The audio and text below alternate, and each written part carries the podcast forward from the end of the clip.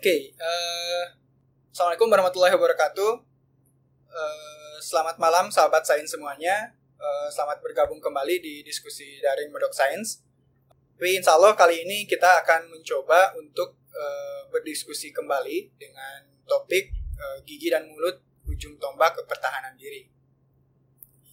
Dan kali ini kita sudah eh, mengundang eh, salah satu staf eh, mengajar di Universitas Airlangga.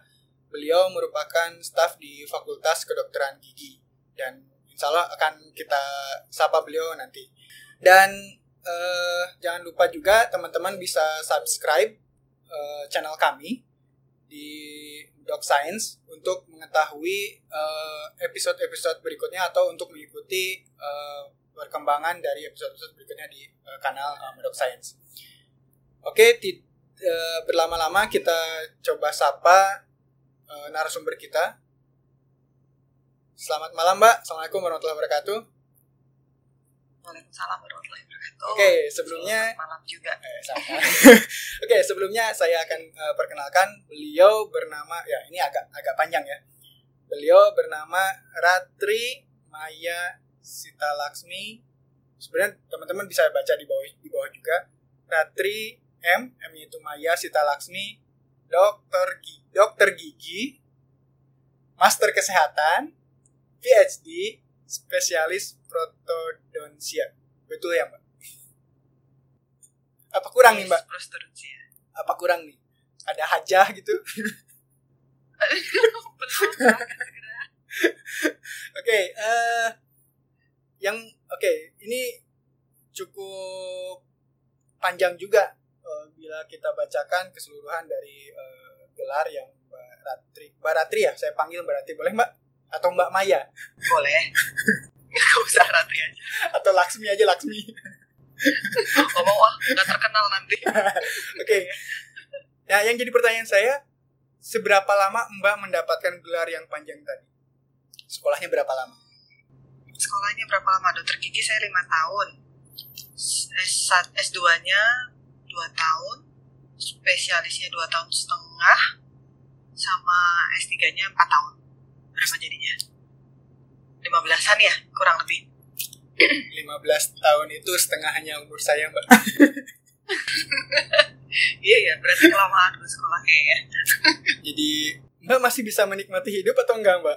Selama 15 Oh, tahun. menikmati, menikmati sekali. Selama kau kenal saya, pernah saya tidak menikmati hidup saya.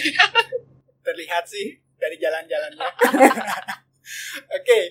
eh di sini juga eh, ada yang sedikit eh, apa ya, menggelitik juga. Mbak sempat mengambil master kesehatan, berarti Mbak mengambil S2. Kemudian ada spesialis. Apa sih sebenarnya yang membedakan antara spesialis dan S2 di bidang Mbak? Oke, kalau yang membedakan sebenarnya dikti yang membedakan karena sebenarnya dia setara sama-sama strata S2 ya, cuman dia beda jurusan. Jadi kalau spesialis itu lebih banyak ke klinisinya, subspesialis dari kedokteran giginya. Tapi kalau S2-nya kita lebih banyak belajaran tentang bukan ke ya lebih ke sains ya, bukan ke kliniknya gitu aja sebenarnya. Tapi karena saya dosen wajib harus ngambil S2 karena spesialis itu dinilai setara tapi tidak sama gitu. Dinilai setara tapi tidak sama. Ya, setara Hmm, tidak karena ya karena kan kalau di kedokteran gigi di fakultas uh, kita boleh mengajar mahasiswa kita itu kita harus satu strata di atas mereka. Jadi kalau untuk anak-anak S1 kita harus S2, tapi untuk nanti mereka masuk ke klinik kita harus spesialis. Nanti kalau uh, karena UNER punya pendidikan spesialis, kita harus spesialis konsultan. Dia harus satu-satu step pokoknya di atas mahasiswa kita. Asik. Inilah Judulnya begitu judulnya. judulnya. tapi masalah ya tapi masalah masalah kan keilmuan sekarang eh, banyak sekali gampang banget dicari dari YouTube dari Google dari segala macam kan mereka bisa baca lebih banyak lebih cepat daripada kita jadi nggak menutup kemungkinan dan kita harus mengakui bahwa kadang mahasiswa kita juga eh, lebih update pendidikannya apa pengetahuannya dibanding kita gitu Oke, oke, oke. Kemudian eh, ini pertanyaan gelar depan Mbak, dokter gigi. Nah, s- eh, yang setahu saya gitu kan kalau dokter kedokteran itu ada kedokteran umum, hewan, dan kedokteran gigi. kalau hewan sama umum ya bisa dipahami gitu pak. Karena subjeknya manusia dan hewan. hewan gitu. kenapa kenapa kedokteran gigi memisahkan dari awal? Memisahkan diri dari awal?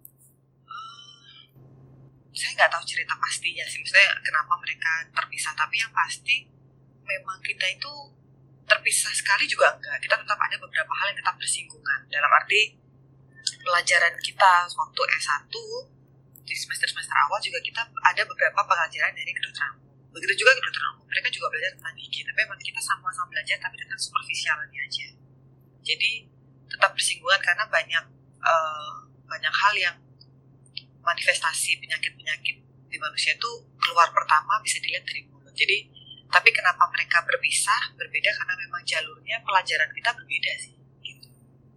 Jadi nggak sama, memang dari awal. saya kira saya kira ada kehususan tertentu yang memang mewajibkan dia berpisah Iya khususnya karena kita belajar cuma gigi doang gitu aja sih khususnya. Nah, yang membedakan dengan spesialis, Mbak. Spesialis kan kalau dokter umum ya setelah mereka selesai ngambil spesialis mata apa gitu. Dokter gigi kan sudah spesialis dari awal. Apa dokter umumnya gigi eh gimana ya, Mbak? Jadinya. Enggak, ya itu dokter gigi umum. Kalau mereka lulus itu dokter gigi umum. Karena di dokter gigi kita punya spesialis juga kan, banyak ada tujuh. Jadi memang setelah itu kita membedakan ada bedanya lagi ada kedokteran gigi anak-anak, ada yang khusus untuk bedah mulut, ada yang khusus tentang oral medicine. Banyak kan ada tujuh kita juga ada pemisahnya juga. Gitu. Itu yang tujuh itu di semua yang buka perguruan tinggi eh kedokteran gigi apa di UNER saja, Mbak? Eh, semua kedokteran gigi eh, spesialistiknya sama, tapi yang yang punya pendidikan spesialis tidak semua universitas kedokteran gigi di Indonesia cuma ada lima kedokteran yang punya eh, sekolah spesialistik Ah, I see, I see, I see, I see. gitu.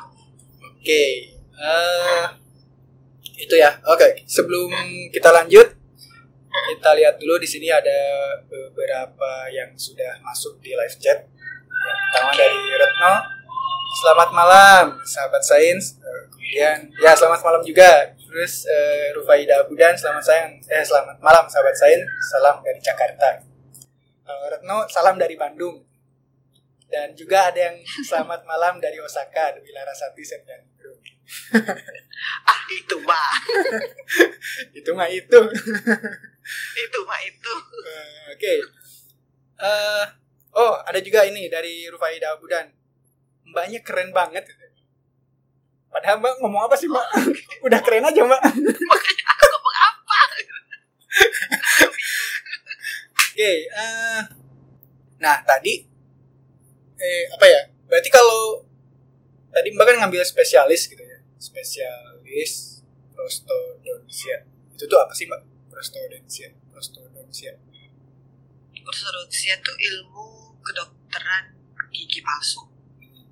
Jadi kita belajar tentang bagaimana menggantikan gigi-gigi yang sudah hilang dari rongga mulut itu biar pasiennya atau manusianya bisa uh, punya gigi lagi, bisa memiliki kualitas hidup yang sama dengan sebelum dia kehilangan giginya. sebelum dia kehilangan giginya.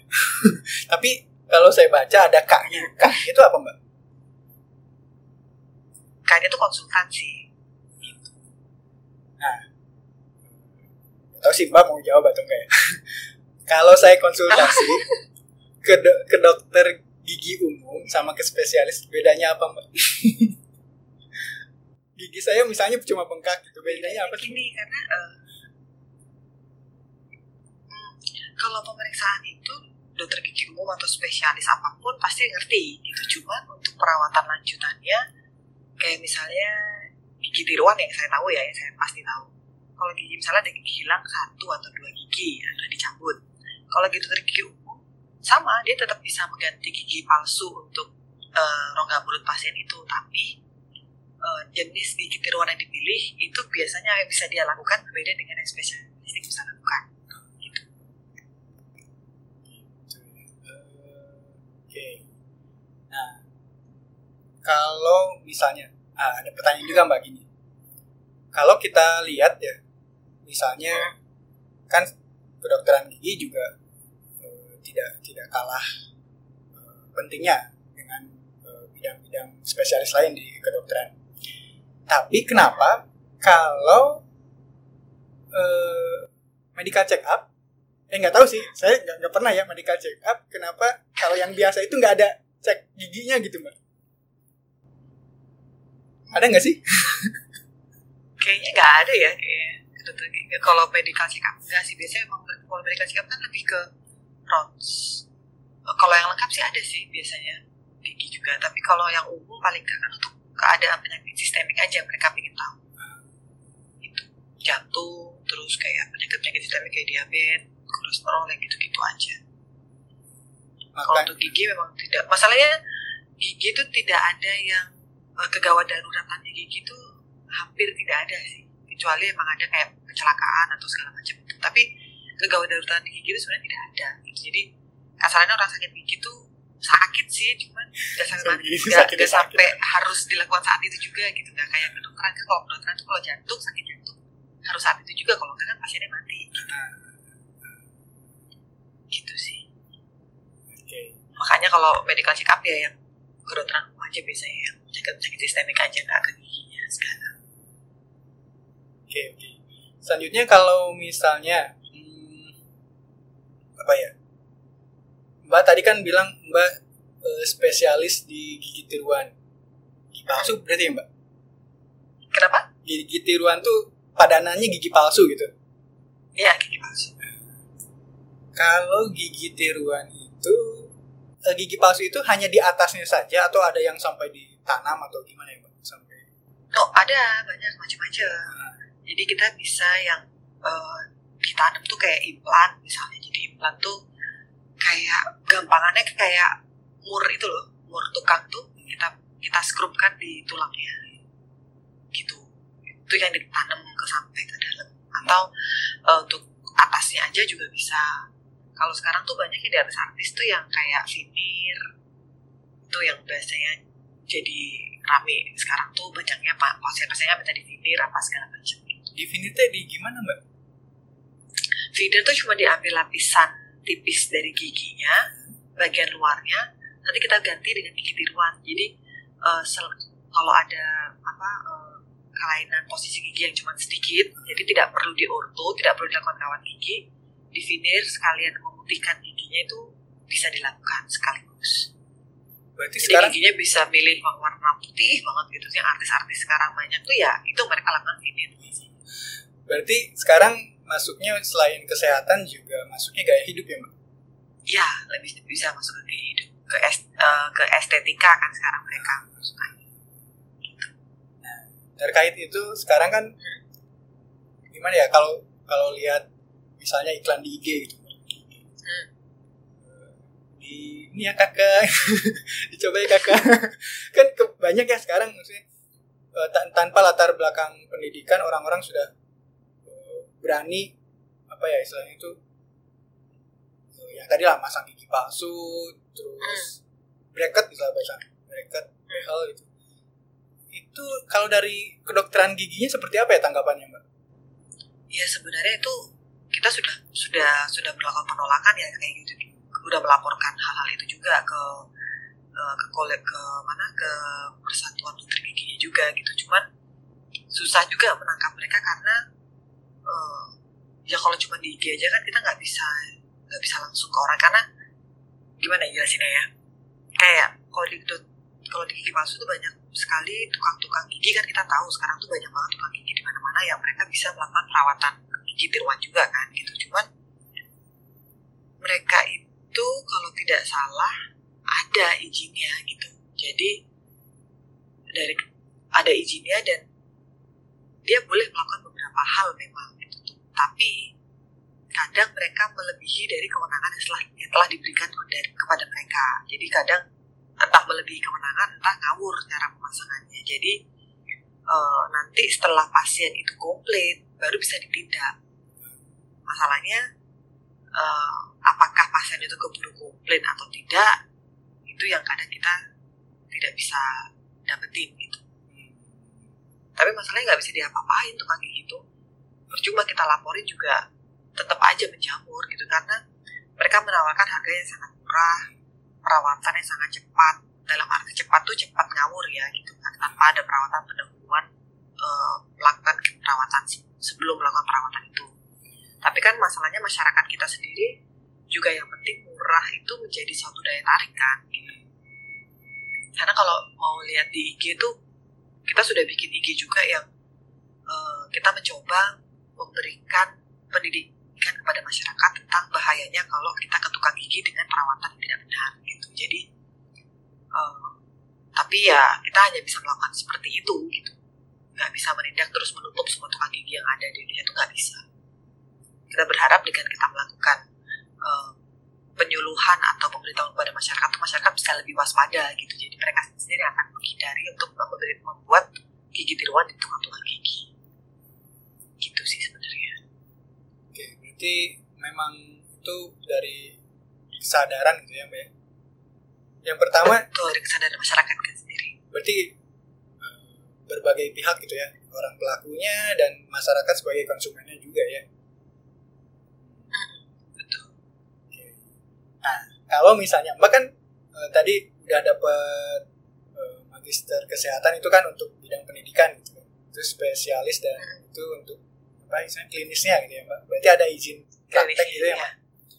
Nah, pernah nggak sih Mbak ada orang yang apa ya datang tapi tanpa ada uh, sebab kesehatan gigi yang harus pakai bracket atau apa tapi dia pengen pasang aja ke, ke. ada nggak sih mbak yang kayak gitu ada ya mereka cuma ya gaya hidup apa segala macam ya mungkin prestisnya aja sih mereka cari gitu. Tapi itu di ada ada yang kayak gitu. dari apa ya etika kedokteran giginya juga di, diperbolehkan gitu? Uh, jadi gini kan hmm, kalau bracket saya tidak tahu pasti. Iya cuman uh, kalau selama itu sebelum pasien datang itu kan kita ada inform concern ada mereka harus menyetujui perawatan yang kita lakukan. Jadi kita sudah pasti sebelum kita melakukan suatu tindakan kita akan menjelaskan semua untuk ruginya, plus minusnya, semua yang kita mau lakukan. Kalau pasien sudah menyetujui dan dia oke okay dengan tindakan yang kita lakukan, dia harus tanda tangan. Jadi kalau memang itu permintaan pasien, kita bisa sebutkan di dalam situ bahwa ini permintaan pasien untuk dilakukan ini. Kita sudah menye, menye, memberitahu segala kelebihan kekurangannya, jadi tanda tangan di situ kita tidak akan terjadi masalah gitu. Kalau misalnya suatu saat ada tuntutan dari pasien ya ya pegangan bahwa ya kan sudah saya ceritakan semua plus minusnya gitu. Kalau mereka itu yang itu adalah keinginan dari pasien ya kita terpaksa lakukan karena itu permintaan dari dia gitu dengan segala untung ruginya. Gitu kan. Karena kita harapkan selama kita menjelaskan ke dia dia tahu untuk ruginya gitu dilakukan perawatan yang tidak dia perlukan misalnya gitu. jadi ya kalau uh, kita berharap dengan dia tahu tidak diperlukan perawatan itu dia akan mengurungkan sendiri niatnya gitu. Atau kita bisa mencarikan alternatif yang mungkin dia tetap ingin terlihat uh, apa ya, ada punya prestis tapi dengan hal yang lain gitu tuh kita bisa arahkan juga. Kita bisa kasih banyak pilihan ke pasien berarti di saat itu kadang ada dilema juga ya mbak? Uh, gimana ya maksud dilema itu? Kalau kita terlalu keras maksudnya dokter gigi terlalu keras nggak bisa nih atau memberikan suatu aturan yang strict banget ujung-ujungnya mereka lompat ke tempat lain yang non non medik ya. gitu ya non medis gitu ya. Iya yang non medis ya malah kasihan. Pasien ya kan makanya kita harus bisa ya pintar-pintarnya kita sih ngarahin ke mereka nya gitu. Tapi kan memang dokter diajarin ini ya mbak cara membujuk oh berbicara iya dong iya Oke. Okay. Kita kan mau nggak mau kita jualnya rasa. Gimana iya, kalau kita nggak bisa ngomong? Pantesan saya nggak bisa ngomong mbak. saya ngomongnya sama benda mati sih. Oke. okay. Uh, eh, bagi sahabat saya semua yang uh, mengikuti diskusi daring kita kali ini, uh, saya ingatkan kembali teman-teman bisa mengikuti diskusi kita dengan uh, menuliskan pertanyaan atau kalau ada pernyataan apa bisa dituliskan di uh, live chat kita. Oke, okay, uh, selanjutnya uh, kalau saya dengar ini ya mbak, dokter ya kedokteran gigi. Eh, sebenarnya check up rutin itu eh, apa saja sebenarnya yang dilakukan eh, check up rutin dan rentangnya itu yang baiknya itu seberapa lama sih mbak untuk eh, periksa gigi? Oke, kalau check up rutin standar sih 6 bulan sekali. Biasanya kita dilakukan di situ adalah pertama pasti pembersihan karang gigi karena eh, sebersih apa pun kita sikat gigi, karang gigi itu pasti bisa terbentuk, tetap tetap terbentuk gitu meskipun sedikit. Jadi biasanya kita di situ 6 bulan sekali kita lakukan pembersihan karang gigi untuk eh, melihat kebersihan eh, sekalian membersihkan lubang mulut, kita lihat kebersihannya pasien itu juga. Karena kalau yang nggak rutin sikat gigi, yang nggak bagus sikat giginya atau rutin tapi teknik sikat giginya yang salah ya tetap akan semakin banyak terbentuk dan itu biasanya enam bulan sekali itu kita bersihkan. Gitu. Nanti kalau setelah pembersihan karang gigi kelihatan eh, perlu perawatan lain atau tidak kita baru lakukan setelah itu Kalau dari dokter gigi sendiri, cara sikat gigi yang bener tuh gimana sih mbak? Caranya tuh yang bener gimana? Bulat, bulat, gigi bulat, ya? kayak ipin upin. Ipin-ipin ngaco Enggak sih Eh, sebenarnya yang paling penting tuh selain teknik eh, teknik oke penting tapi yang pasti lakukan sikat gigi rutin dulu sehabis makan sama sebelum tidur selain lebih dari itu boleh dilakukan misalnya bangun pagi waktu mandi itu boleh. Tapi rutinlah lakukan setelah makan sama sebelum tidur. Karena itu yang kadang susah untuk dilakukan oleh orang. Terus setelah itu bisa dilakukan baik eh, pelajari tekniknya. Tekniknya ada banyak teknik sebenarnya. Ada yang roll ada yang eh, dari gusi ke gigi. Jadi dari gimana ya saya ngomongnya? Gigi itu di di Disapu keluar, di apa namanya disapu keluar. digosokkan itu dari iya nggak usah nggak usah terlalu kuat ya tapi saat di sapunya keluar dari arahnya dari gusi ke gigi Saya udah bawa nih mbak. jadi nggak Jadi gini mbak, kondisi mulut tuh hmm? kenapa dari keluar kan? Oh iya mbak, Ya, jadi- bisa lihat saya. Iya, jadi dari kamu. Aku nggak iya, aku nggak bisa lihat. Jadi dari atas ke bawah. Jadi gerakannya memutar keluar gitu, Ah, oke. gitu sih. Tapi pokoknya yang penting sikat gigi dulu deh gitu. Tekniknya salah-salah dikit masih nggak apa-apa gitu. Tapi yang pasti lakukan dulu rutin. Tekniknya bener tapi nggak pernah sikat gigi juga susah juga, percuma. Oke. Yang Kalau penting rutin dulu. Kalau Ah, saya. itu kan rutin ya mbak. Kalau dulu tuh kan saya hidupnya dari di kampung gitu ya mbak. Pas se- sebelum kenal sama dokter gigi gitu ya, nggak ada tuh istilah rutin kontrol gitu. Terus eh, ya si- sikat gigi ya sebatas sikat, umur udah itu. Tapi kan makin kini makin sini tuh tahu ada yang kayak benang gitu loh mbak, kayak benang terus buat kumur-kumurnya ada khusus. Sebenarnya apakah cukup eh, untuk untuk untuk sehari-hari gitu ya? Apakah cukup sampai berhenti di sikatnya saja atau harus ada tambah-tambahan kayak tadi gitu? Kayak benang apa gitu Eh, kalau benang itu bagus sebenarnya pakai dental floss itu karena dia membersihkan di sela-sela gigi yang mungkin tidak ter tersikat oleh sikat gigi tadi. Cuman orang itu kan kadang males melakukannya karena kan itu harus satu gigi per gigi Nah, gitu. Jadi itu akan lebih lama sih sikat giginya. Kalau emang dia punya waktu untuk melakukan itu lebih baik memang. Gitu. Kalau obat kumur sih setahu saya obat kumur itu hanya sebagai penyegar nafas saja. Jadi tidak ada efek lebih bersih atau apa tuh nggak ada sebenarnya. Jadi kalau ada yang di iklan bilang dengan pembersih apa obat kumur ini karang gigi hilang. Kok menurut saya nggak bisa ya karena karang gigi itu pasti harus dihilangkan dengan eh, mekanik gitu, tidak bisa dengan kumur aja hilang. berarti beneran super duper melekat gitu ya mbak Kenapa? melekat melekat banget gitu si karang ya gigi. dia nempel, karang gigi itu nempel. Gitu. Kalau dia masih bisa disikat dia hilang, berarti dia itu masih sebutannya debris, masih sisa makanan yang nempel belum jadi karang gigi. Kalau karang gigi itu kan sudah akumulasi lama gitu, makanya dia jadi karang. Dan jeleknya ma- masyarakat Indonesia itu kan mereka tidak akan ke dokter gigi kalau nggak sakit gigi. Jarang kan yang emang kontrol rutin kalau nggak dari kesadaran dari orangnya sendiri. Gitu. karena saya pribadi ya mbak ke dokter itu ya kalau sakit mbak lah lah iya makanya kan itu Emang- sakit Emang iya sih pola pikirnya gitu. di kedokteran umum iya kalau kedokteran umum kedokteran gigi pun mereka dokter umum sendiri pun punya kontrol kontrol rutin gitu. Untuk itu misalnya medical check up harus setiap berapa bulan sekali mungkin atau satu tahun sekali atau bagaimana itu kan harus dilakukan. Cuman masyarakat sendiri mesti mikirnya ngapain orang nggak sakit kok ngapain kontrol? Mahal buang-buang duit apa segala macam. Kan gitu pasti pikirnya padahal dengan kontrol rutin tuh akan lebih meminimalisir dia untuk mengeluarkan duit lebih banyak gitu karena kalau sudah terjadi lubang yang besar atau sudah terjadi penyakit yang lain biayanya akan lebih banyak dibanding dengan kontrol rutin setiap bulan sekali karena kalau udah ketahuan dari awal kan lebih gampang perbaikinya daripada udah kalau keburu udah sakit gitu Oke. Nah, masih terkait dengan tadi ya Mbak, eh, rangkaian sikat gigi. Menjaga gigi lah, kesehatan gigi sehari-hari.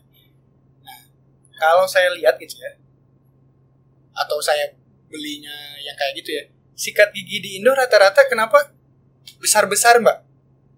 Besar-besar, eh, apa ya, Iya. itu, rentang, rentang si ukurannya ukuran, ya. ah, terus si itunya juga si bulu-bulunya kadang apa ya terlalu kaku gitu mbak. Itu yang benernya gimana Iya sih mbak? harusnya kalau yang paling enak memang cari kepala sikat yang dia ujungnya kecil. Nah. karena dia akan lebih mudah menjangkau sampai ke gigi yang paling belakang. Itu pertama. Yang kedua carilah sikat gigi yang eh, bulunya itu yang soft. Karena ada ukurannya biasanya ada yang soft ada yang hard gitu. Bukan berarti menyikat gigi dengan kekuatan yang besar itu lebih bersih gitu. Tuh enggak itu enggak benar juga gitu.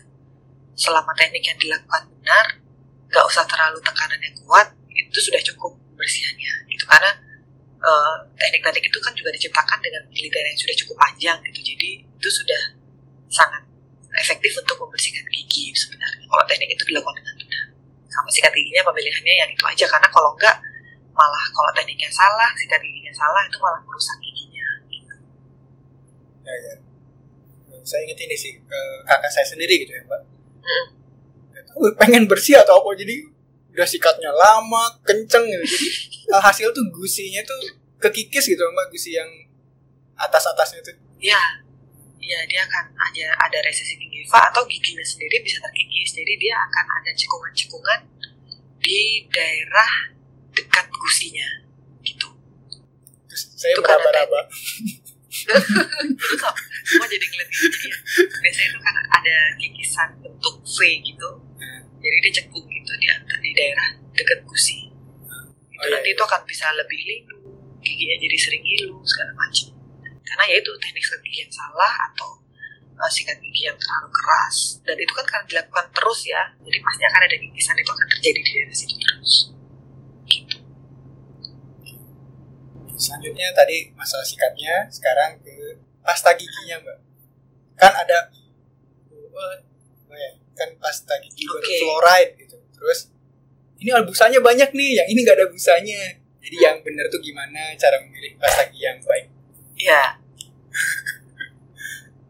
Eh, setahu saya busa itu kan pasti ada deterjennya ya Nah, gitu jadi biasanya memang sikat gigi sikat gigi yang banyak deterjennya itu akan lebih banyak mengikis ya banyak saya bilang banyak tuh nggak nggak yang banyak banget nggak sih cuman bisa ada bahan abrasif di dalam situ gitu. Makanya lebih kita sarankan biasanya yang tidak usah banyak busanya itu lebih lebih lebih tidak banyak bahan abrasifnya. Terus sebenarnya kalau sikat gigi itu nggak usah dibasahin dulu semuanya gitu atau apa sikat giginya basah nanti lebih enak pasta gigi itu langsung dioleskan di sikat gigi terus digosokkan ke dalam mulut kita. Gitu. Jadi kalau masalah pasta gigi sebenarnya tidak usah terlalu banyak juga biasanya kan orang ya karena di iklannya gambarnya banyak banget kan gitu ditaruh di atas pasta giginya itu sebenarnya tidak usah sebanyak itu sudah cukup gitu ya kan biasanya prinsipnya lebih banyak kayaknya efeknya cepet lebih cepet Enggak, enggak ngaruh. Nggak ngaruh ya. Oke. Enggak ngaruh. Tapi okay. sedangkan sih kadang soalnya rasa minnya yang beda-beda atau oh, ya itu sensasi rasa dari pasta giginya itu yang buat orang pasti lebih punya ketertarikan suka sama pasta gigi tertentu. Tapi mbak kalau pasta gigi itu tertelan nggak apa-apa mbak?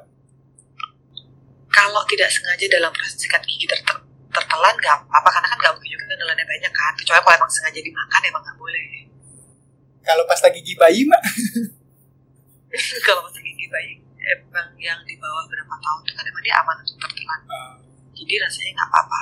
Tapi memang ya itu kalau sama bayi kan emang mereka susah ya disuruh umur susah gitu kan. Nah, jadi itu nggak apa-apa. Makanya kan juga sedikit aja kan anjurannya tidak perlu banyak. Mereka kan biasanya seneng bukan apa ya, bukan nyikatnya mereka seneng tuh ngemutnya gitu loh mbak. rasanya kan iya. Rasanya iya. Oke, Iya. sekarang pentingnya kan ah, apa mbak? Lanjut. Pentingnya apa mbak? apa tadi ya? Pentingnya yang penting mereka bisa rutin untuk tahu sih kan itu harus dilakukan itu aja sih Berarti lebih ke proses pembiasaan gitu lah. Iya Oke, kita bacakan lagi mbak ini ada pertanyaan dari Dwi Larasati. Kalau gigi gingsul, baiknya disingkirkan atau dipertahankan dok? kalau gigi apa Gingsul, gingsul. Gingsul tergantung. Kalau memang dia mengganggu dalam arti pembersihan giginya jadi susah di daerah situ tidak disingkirkan tapi mungkin dirawat oleh pakai gigi ah, pakai bracket itu loh pakai gigi oh kawat gigi. Itu bisa nanti jadi lebih ah, bagus bentuknya tapi apa sesuai dengan lengkung gigi. Tapi kalau emang dia tidak mengganggu untuk pembersihannya tidak ada masalah sebenarnya. Kan ada kan orang yang gingsul tambah manis kan? Kayak mbaknya aja Ada mbak, ada. ada Nah, eh, mbak sendiri kan sebenarnya eh, selain dia belajar kedokteran, mbak juga kan melanglang buana ke mana-mana gitu mbak. Melihat maksud melihat maksudnya bagaimana sih tipikal gigi kalau kalau misalnya di Jepang gitu ya pak orang-orang kan malah mereka pingin gitu terutama yang cewek gitu ya lebih pengen ada gingsulnya gitu. Sebenarnya dari dari kesehatan sendiri kalau memunculkan gingsul itu gimana sih pak boleh atau enggak maksudnya memunculkan gingsul membuat gigi itu jadi gingsul? Oh tadinya enggak gitu. Terus mereka tuh kan eh, paradigmanya yang tadi mbak bilang gitu. Terkadang gingsul itu menjadi manis gitu. Terus mereka pengen. Nah, itu dari kedokteran gigi sendiri boleh nggak sih? Eh, banyak faktor yang dilihat. Pertama ya itu tadi saya bilang apakah nanti dengan menggingsulkan itu akan menjadi susah pembersihannya apa enggak? Kedua kita harus melihat kalau emang itu tadinya nggak gingsul mau digingsulkan ya pasti ada posisi-posisi gigi yang lain juga berubah. Nanti gigitannya apakah ada apa yang kita sebutnya kita harus melakukan occlusal adjustment juga nanti di daerah lain gitu. Tapi kalau emang dari awal dia sudah gingsul otomatis gigi-giginya yang lain itu juga sudah sudah terset gitu. Tapi kalau nggak gingsul digingsulkan ya kita harus ngeset gigi-gigi yang lain untuk tetap posisinya benar. Gitu dalam arti untuk gigitannya segala macam tuh harus dilihat lebih jauh. Karena nggak bisa ngubah ngubah satu gigi atau menambahkan satu gigi itu kita tetap melihat gigi itu secara utuh keseluruhan gitu. nggak cuma terkonsentrasi di satu gigi itu aja.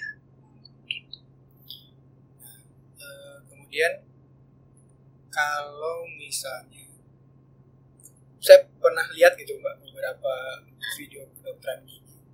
Ternyata apa ya susunan gigi itu mempengaruhi apa ya air muka atau apa ya?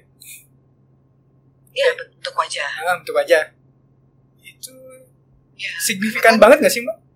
Eh, kenapa signifikan? Kalau misalnya memang ingin dilakukan perawatannya signifikan dalam arti eh, kayak orang-orang yang giginya berdesakannya banget gitu ya. Itu kan bisa jadi nggak semua ya tapi bisa jadi rahangnya tuh emang jadi kecil banget gitu jadi giginya berdesakan. Kalau kita lakukan perawatan kawat gigi otomatis kita akan membuat rahangnya akan kita besarkan agar gigi-giginya bisa tertata dengan baik di dalam rahangnya dan itu akan mempengaruhi semuanya gitu. Karena kan rahangnya pasti berubah jadi ya berubah semuanya gitu. makanya orang tuh kadang minta dikawat giginya dengan harapan mereka bisa lebih tirus apa segala macam gitu kan. Tapi ya nggak semua orang dikawat giginya terus jadi tirus apa segala macam kan. Tergantung perubahan-perubahan yang kita lakukan di dalam situ. Yang pasti jadi susah makan sih mbak iya betul. Susah lah pasti. Dipikir enak pakai kawat gigi oke eh, nah. Sama aja kayak itu tuh apa eh, apa film-filmnya kayak war apa eh, war- boleh ya sebut merek sih kayak kayak pemeran pemeran orang apa ya kalau acting tuh kan kadang dilakukan perlu menyamakan dirinya dengan Ah, orang yang akan dila yang akan dimainkan gitu ya. perannya. Kalau emang awalnya dia giginya tidak tongkos, terus harus membuat gigi palsu biar sesuai dengan peran yang dia mainkan, itu kan sudah sudah berubah kan? Gitu. Ya sama aja dengan kayak gitu. iya iya iya benar. Iya. Ya. Yang Abimana itu ya. Makanya kan bingung mau nyebut merek. Oke oke oke.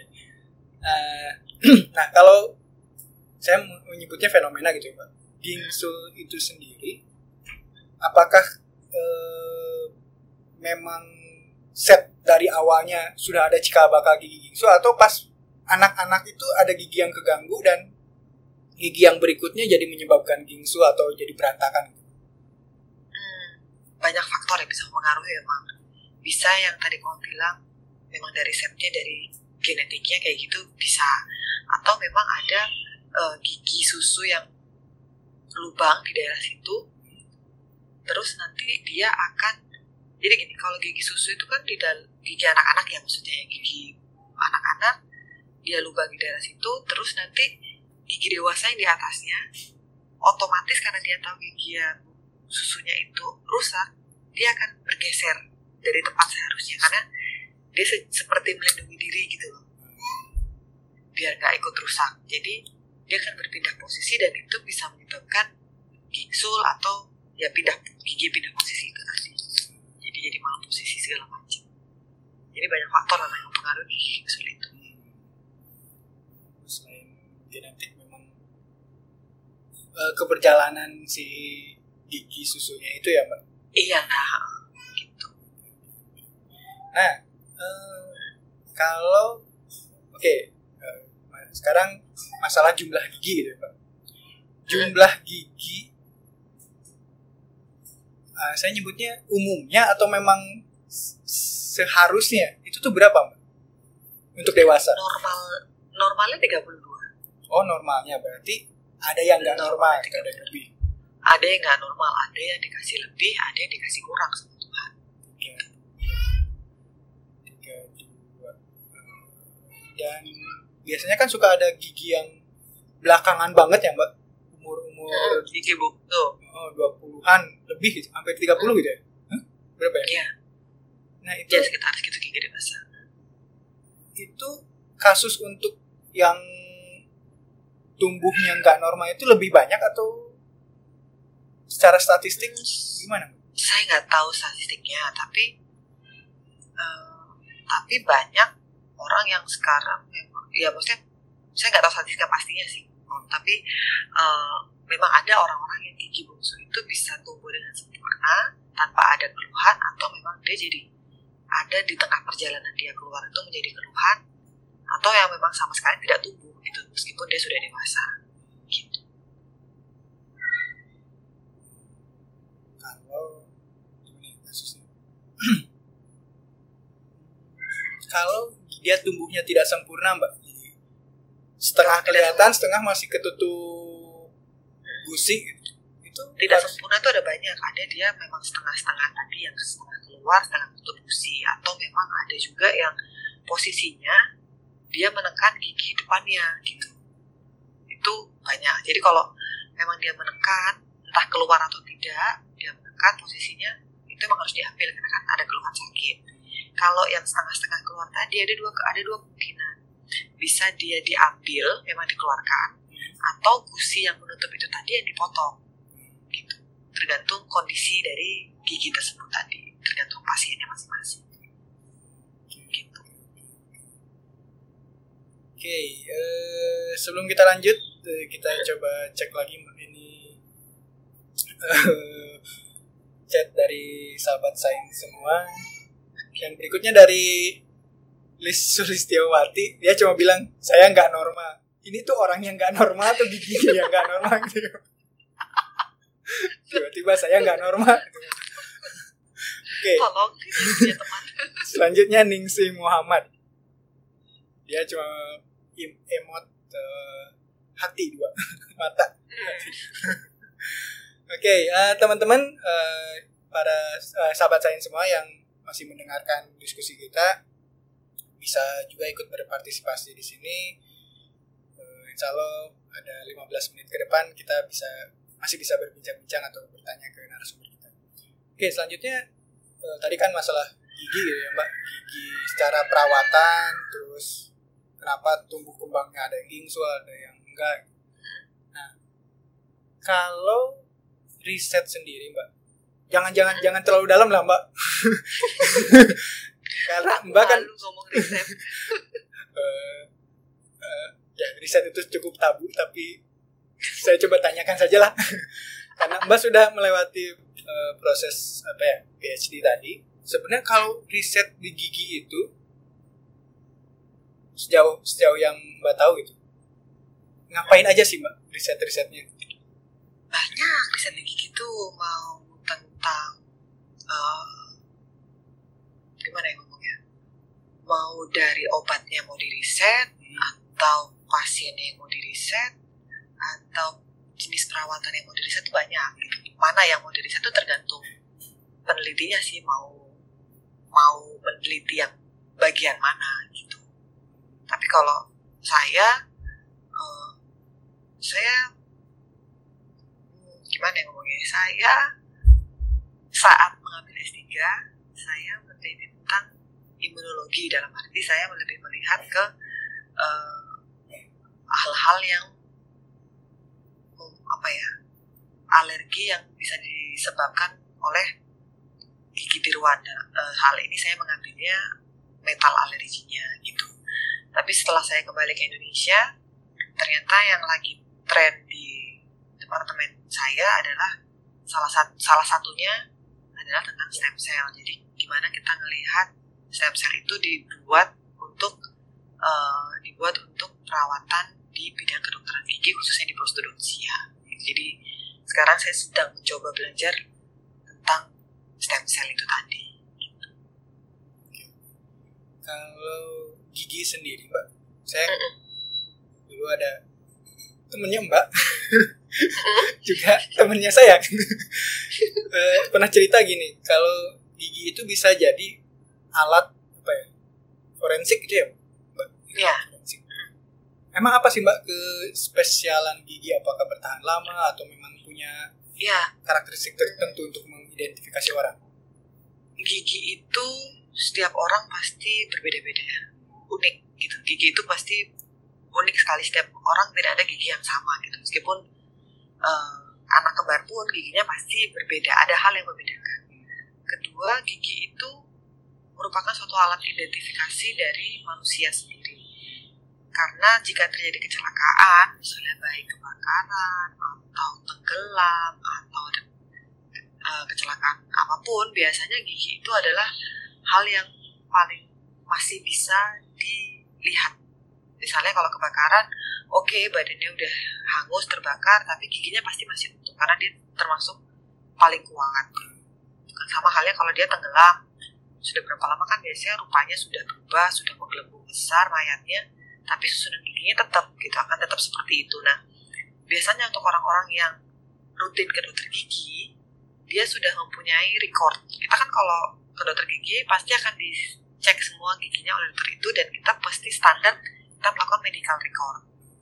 Jadi gigi apa yang ditambal sebelah mana tambalannya menggunakan apa uh, gigi yang dicabut sebelah mana atau ada uh, gigi tiruan di sebelah mana itu kita lakukan semua record itu di uh, status kita. Jadi kalau sampai ada kecelakaan pasti tim forensiknya akan melihat susunan giginya melihat gigi-gigi apa saja yang ada tembelan atau tidak atau pencabutan nanti nama pasien itu atau nama uh, apa nama uh, korbannya akan dicarikan dokter gigi siapa yang pernah merawatnya gitu.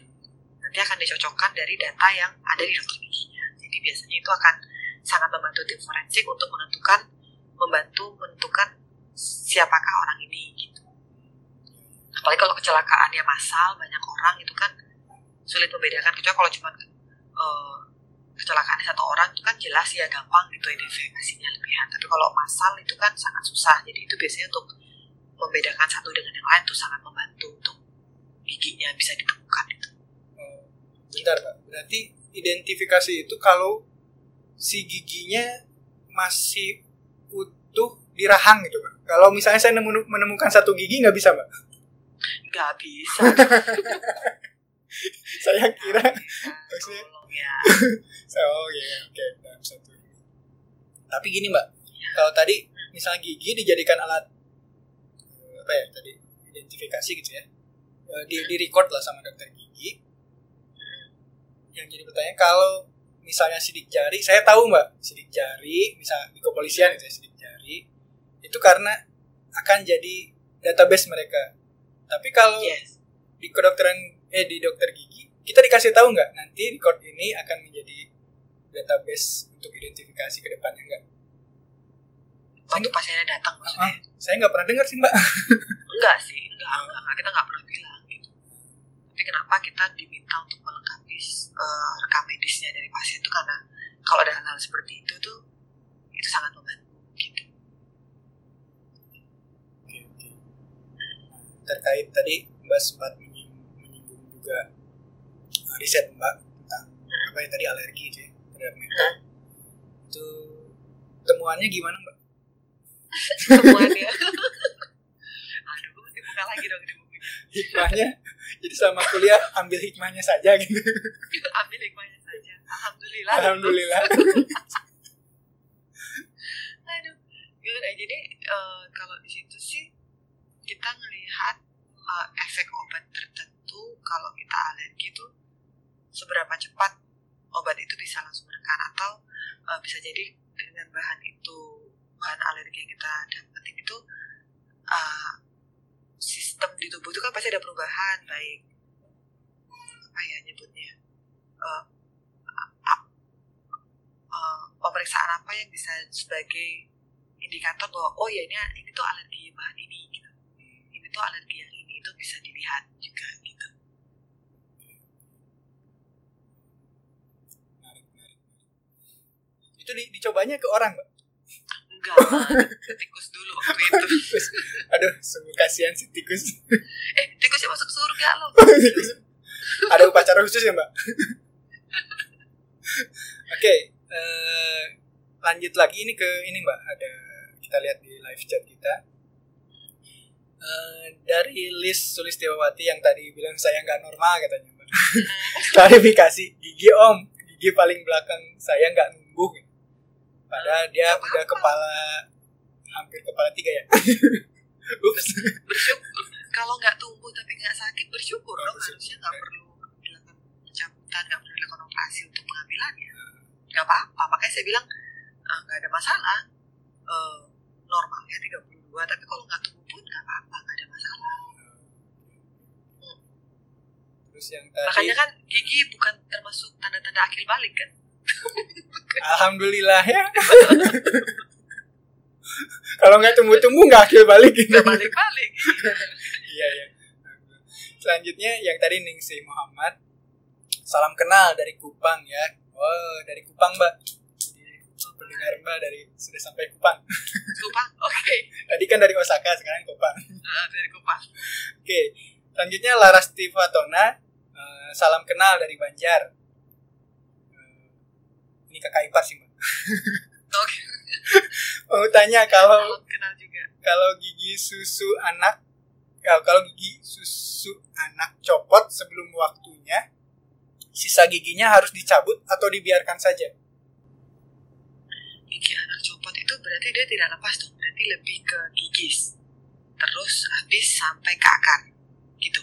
Sampai ke batas gusi copot. Copot? Nggak tahu definisinya. Kalau copot karena gini nggak kalau gigi bungsu itu kalau dia sudah kan biasanya anak gigi bungsu itu kan kalau sudah waktunya tanggal gigi dewasa yang mau tumbuh kan dia kan goyang-goyang tuh. Nah kalau goyang-goyang dia lepas sendiri memang sudah tidak ada akarnya. Karena akarnya kegerus sama gigi dewasanya. Tapi kalau dia tanggal sebelum waktunya biasanya harusnya masih ada akarnya. Nah ini apakah patah giginya terus lepas mahkotanya saja atau memang gigis terus habis gitu sampai sebatas gusi jadi akarnya masih di dalamnya? Kalau ya tadi kalau misalnya copot sebelum waktunya terus gigi yang lain ya dibiarin aja gitu. Ya dibiarin. Itu sampai nanti gigi dewasanya dia mau tumbuh kalau akarnya itu mengganggu atau tidak mau lepas tetepannya itu harus dibantu ke dokter gigi untuk dilakukan pengambilan gitu. Kalau dia copotnya sesuai dengan waktunya nggak masalah. Tapi Iya, kalau kayak gitu nggak masalah. ada Uh-uh. kemungkinan akarnya masih ada gitu ya. Bukan ada Biasanya kemungkinan? nggak ada Oke. Sel- Selanjutnya ini dari Lis Listiawati yang tadi nggak normal. Apakah metode identifikasi seseorang dari giginya hanya bisa dilakukan jika giginya masih ada? Kalau misal lansia yang giginya sudah habis, apakah masih bisa dijadikan sebagai semacam Eh. fingerprint dental? Finger- Ya dental print. kalau untuk yang sudah tidak ada giginya biasanya kita lakukan ronsen itu cuma melihat bentuk rahangnya. Itu ada beberapa penelitian yang sudah punya. Jadi misalnya kalau suku Jawa itu rata-rata kalau perempuan sudutnya sekian laki-laki sudutnya sekian rentang usia sekian itu seberapa besar itu ada ada ada ukuran-ukurannya mereka biasanya sudah punya. Tapi untuk eh, dia siapa itu saya rasa kok agak susah ya gitu. Gitu. Kayaknya ya kecuali memang ada bentukan khusus di rahangnya bagaimana gitu mungkin bisa Oke, oke, oke. Jadi, eh, kalau database-nya sendiri, kalau Indone- untuk Indonesia ya, Mbak, itu sudah seberapa bagus sih, Mbak, database orang-orang Indonesia di giginya, ten- eh, database giginya? tergantung orangnya datang ke dokter gigi apa enggak. Itu kan maksudnya iya kalau orangnya nggak datang terus kita gimana tahu giginya dia Saya juga datang ke Kan nggak- dokter gigi itu gara-gara ada temennya kakak yang baru lulus, terus ngasih diskon gitu, Mbak, buat selling.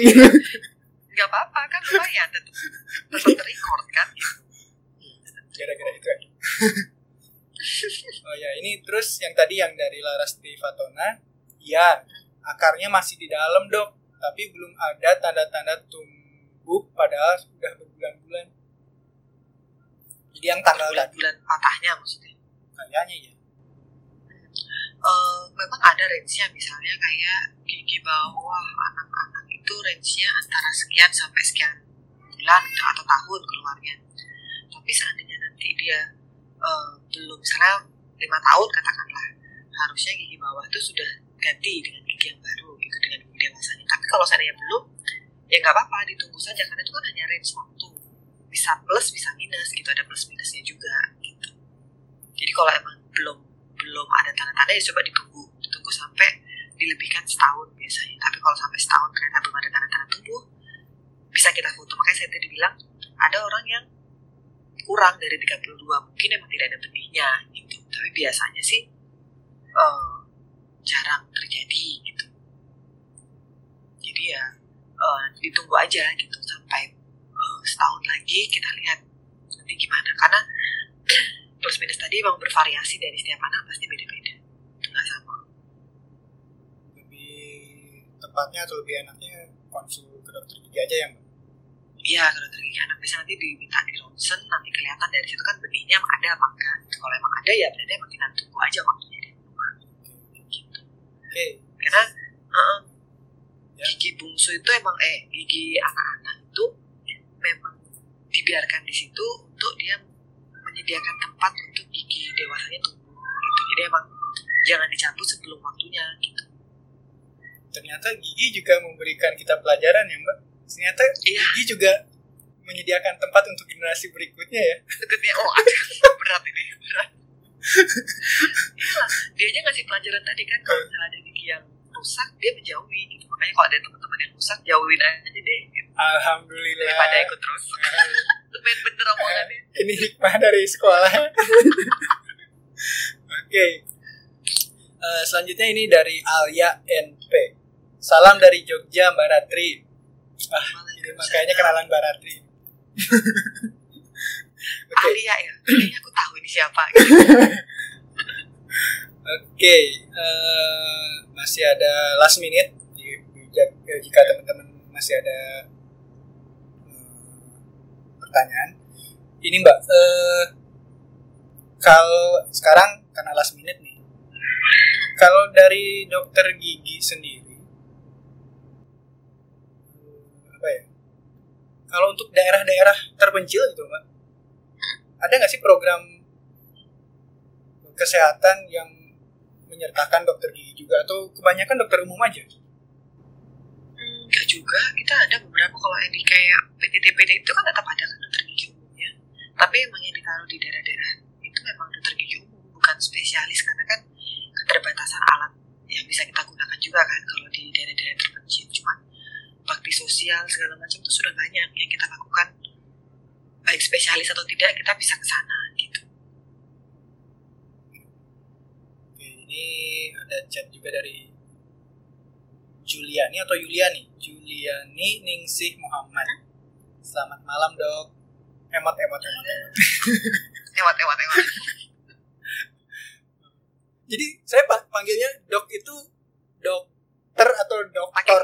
Pakai K atau pakai G? saya nggak ke sana sih, Mbak. Oke, sekarang eh, eh, sebelum menutup, kira-kira ada yang ingin Mbak sampaikan nggak ke masyarakat luas tentang kedokteran gigi, tentang pentingnya gigi atau silakan. pentingnya ke dokter gigi ya tadi saya bilang harus tetap ke dokter gigi sebelum giginya sakit. Tetap kontrol kontrol rutin uh, ke dokter gigi. Terus uh, hilangkan stigma ke dokter gigi itu mahal. Karena kan sekarang juga BPJS sudah luas ya jadi harusnya bisa dipergunakan untuk kontrol ke dokter gigi dokter gigi yang ada di daerah baik ke puskesmas atau ke klinik-klinik pratama yang memang bisa menerima BPJS karena kalau terlalu lama juga nanti sayang gitu tidak bisa dirawat di situ dan biaya yang dikeluarkan pasti akan lebih besar. Itu sih. Jadi kontrol lah rutin ke dokter gigi. Di dekat anda. Oke, karena gigi dan mulut juga pintu gerbang segalanya ya, iya betul. Karena penyakit penyakit yang biasa diderita tuh juga manifestasinya dapat terlihat awal itu di eh, mulut. Jadi kadang kalau kita periksa ke dokter ke dokter gigi misalnya kita lihat ada kelainan di rongga mulutnya yang mengacu atau mengarah ke manifestasi suatu penyakit sistemik lainnya biasanya kita akan segera konsultan ke penyakit-penyakit dokter-dokter umum eh dokter-dokter spesialis untuk melakukan perawatan untuk eh, pasiennya gitu. Jadi sebelum mereka tahu dia sakit itu tuh kita sudah bisa tahu duluan karena banyak sekali emang terlihat di mulut